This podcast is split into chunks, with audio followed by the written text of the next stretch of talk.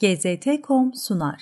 Merhabalar. Covid-19 krizi tüm dünyayı sarstı ve sarsmaya devam ediyor. Bu süreçte ilgili çok yazı yazılıyor, birçok analiz yapılıyor ama bir ülke var ki bu süreçteki rolünü uluslararası medyada konuşmak neredeyse yasak.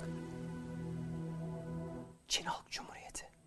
Hatta aksine hangi uluslararası medyanın sayfasına girsek Wuhan'ın zaferi, Çin'in mükemmel süreç yönetimi haberleriyle karşılaşıyoruz. Sanki şu görüntüler Çin'den gelmemiş gibi. 没有病床，没有医药 CCTV canlarını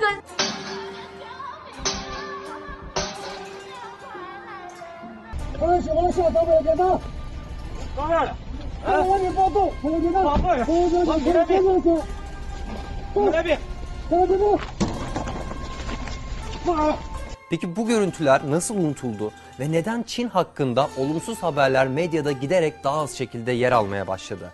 Propagandanın bu bölümünde Çin'in süreç yönetimini anlatacağız.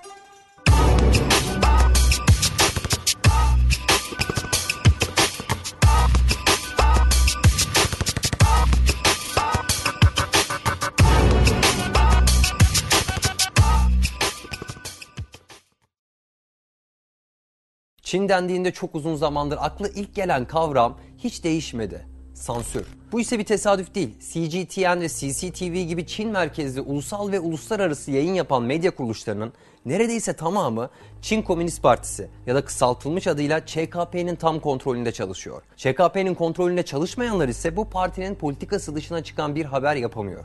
Bu Çin'de yaşayanlar için büyük bir sorundu. Ancak son zamanlarda sadece Çin için değil, tüm dünya için bir sorun haline gelmeye başladı. Çünkü Çin yaptığı uluslararası medya yatırımlarıyla sansür politikalarını ihraç etmeye başladı. Konu hakkında yakın zaman önce bir rapor yayınlandı. Stanford Üniversitesi'nin internet gözlemevi tarafından hazırlanan raporun ortaya koyduğu verilere göre Çin dijital otoriterliğini ve sansür politikalarını dünyaya ihraç etmek için büyük bir bütçe ayırmış durumda. Korona krizi bu propaganda ve sansür ihracını gözlemlemek için önemli bir laboratuvar oldu. Üniversitenin yayınladığı rapora göre Çin, sosyal medya platformunda yaptığı reklam yatırımlarıyla tüm platformları neredeyse istila ediyor. Grafiğe göre Covid-19 krizinin başlamasıyla eş zamanlı olarak Çin'in Facebook'a yaptığı reklam yatırımı da zirveye çıkmış. 7 İngilizce Çin devlet medyasının Facebook sayfalarının ortalama 70.9 milyon takipçisi var. Bu kanalların 2020 yılında Facebook'a verdikleri reklamların %40'ı 15 Şubat 2020 ile Mart 2020 arasında.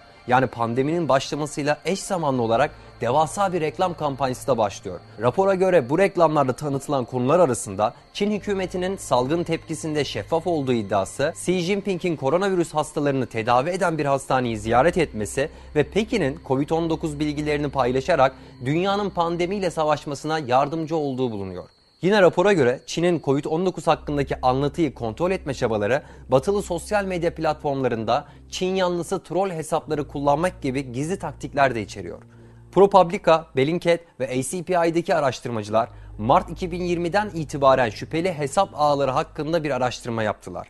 26 Mart 2020'de yayınlanan bir ProPublica araştırması Çin hükümetinin sahte Twitter hesapları oluşturduğunu ve Çin propagandasını yaymak için mevcut hesapları hacklediğini ortaya koydu. 17 Nisan 2020'de ICPI'deki Uluslararası Siber Politikalar Merkezi'nden araştırmacılar Çin hesapları olduğuna inandıkları bir başka koordineli Twitter kampanyası belirlediler. Bu bulgularda ise ilginç olan detay Çin propagandası yapan bu ağın Tayvanlı kullanıcılar gibi davranıyor olmasıydı. Son olarak Mayıs 2020'de Bellingcat araştırmacısı Benjamin Strick tarafından yürütülen bir BBC News araştırması 1000 Twitter hesabı, 53 Facebook sayfası, 61 Facebook hesabı ve Covid-19 hakkında Çin Komünist Partisi'nin tezlerini güçlendiren 187 YouTube kanalından oluşan bir sahte hesap ağı buldu. Bu ağlar salgınla ilgili durum kötüleştikçe Çin Komünist Partisi'nin salgına tepkisini övmeye, Tayvan'ın başarısını küçümsemeye ve Hong Kong'da protestoları sürdürenlere salgının sorumlusu olarak fişlemeye başladılar. Mart ayında salgının merkezi Avrupa'ya taşındığında ve Çin'deki vakalar hızla düşmeye başladığında ise bu hesaplar Çin'in başarısını övmeye ve virüsün tüm dünyanın düşmanı olduğu söylemini yükseltmeye başladılar. Amerika Birleşik Devletleri Başkanı Trump salgınla ilgili Çin'i suçladığında ise bu hesaplar hedeflerine Amerikan hükümetini koyarak tartışmaları politik bir çizgiye çekmeye ve Trump karşıtı propaganda yürütmeye başladılar. Bu raporda yazanların yanı sıra Çin, uluslararası medya şirketlerinin patronlarıyla yakın ilişkilere de sahip. Örneğin The New York Times gazetesinin en büyük hissedarı Meksikalı milyarder Carlos Slim.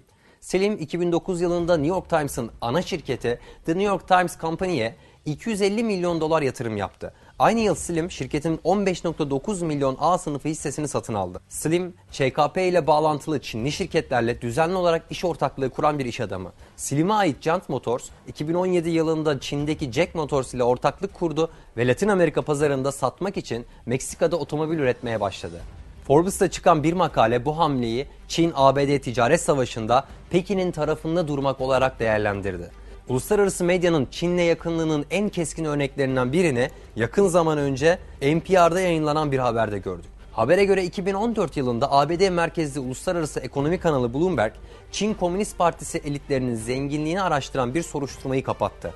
Gazetenin muhabiri Mark Forstey, Çin Cumhurbaşkanı Xi Jinping'in ülkenin en zenginlerinden olan iş adamı Wang Jianlin ile ilişkilerini ortaya çıkartmaya odaklanmıştı. Hikaye Çin Komünist Partisi'ni kızdıracağı gerekçesiyle yayınlanmadan gizlenmiş ve haberi hazırlayan muhabir işten kovulmuş. Şirket sadece Pekin merkezli muhabiri kovmakla kalmayıp muhabirin eşiyle de gizlilik için anlaşma imzalamış. Sosyal medya yatırımları ve medya sahipleriyle kurulan ticari bağlar dışında Çin hakkında negatif haberler yazmayı önleyen bir durum da Çin rejiminin baskıcı politikalarının bir otosansür doğurması. Gazeteciler Çin'i olumsuz bir şekilde tasvir ettiği takdirde Çin anakarasına erişimi kaybetme riskiyle karşı karşıya olduğundan dolayı büyük bir baskı altındalar. Şubat 2020'de yayınlanan Çin, Asya'nın gerçek hasta adamıdır başlıklı bir makale sonrasında Wall Street Journalist muhabirleri ülkeden ihraç edildi. Çinli yetkililer gazeteden hatanın ciddiyetini kabul etmesini, açık ve resmi olarak özür dilemesini ve sorumluları soruşturup cezalandırmasını, aynı zamanda gazetenin daha fazla önlem alması ihtiyacını talep ettiler. Çin bu propaganda gücüyle Covid-19 sürecinin baş sorumlularından olmasına rağmen tüm dünyada kendisini neredeyse örnek ülke olarak tanıttı. Üstelik öyle gösteriyor ki bu soft power stratejisi devam ederse önümüzdeki süreçte Çin etkisindeki uluslararası medyayı ve sosyal medyayı çok daha fazla konuşacağız. Ben Murat Soydan. İzlediğiniz için teşekkür ederim.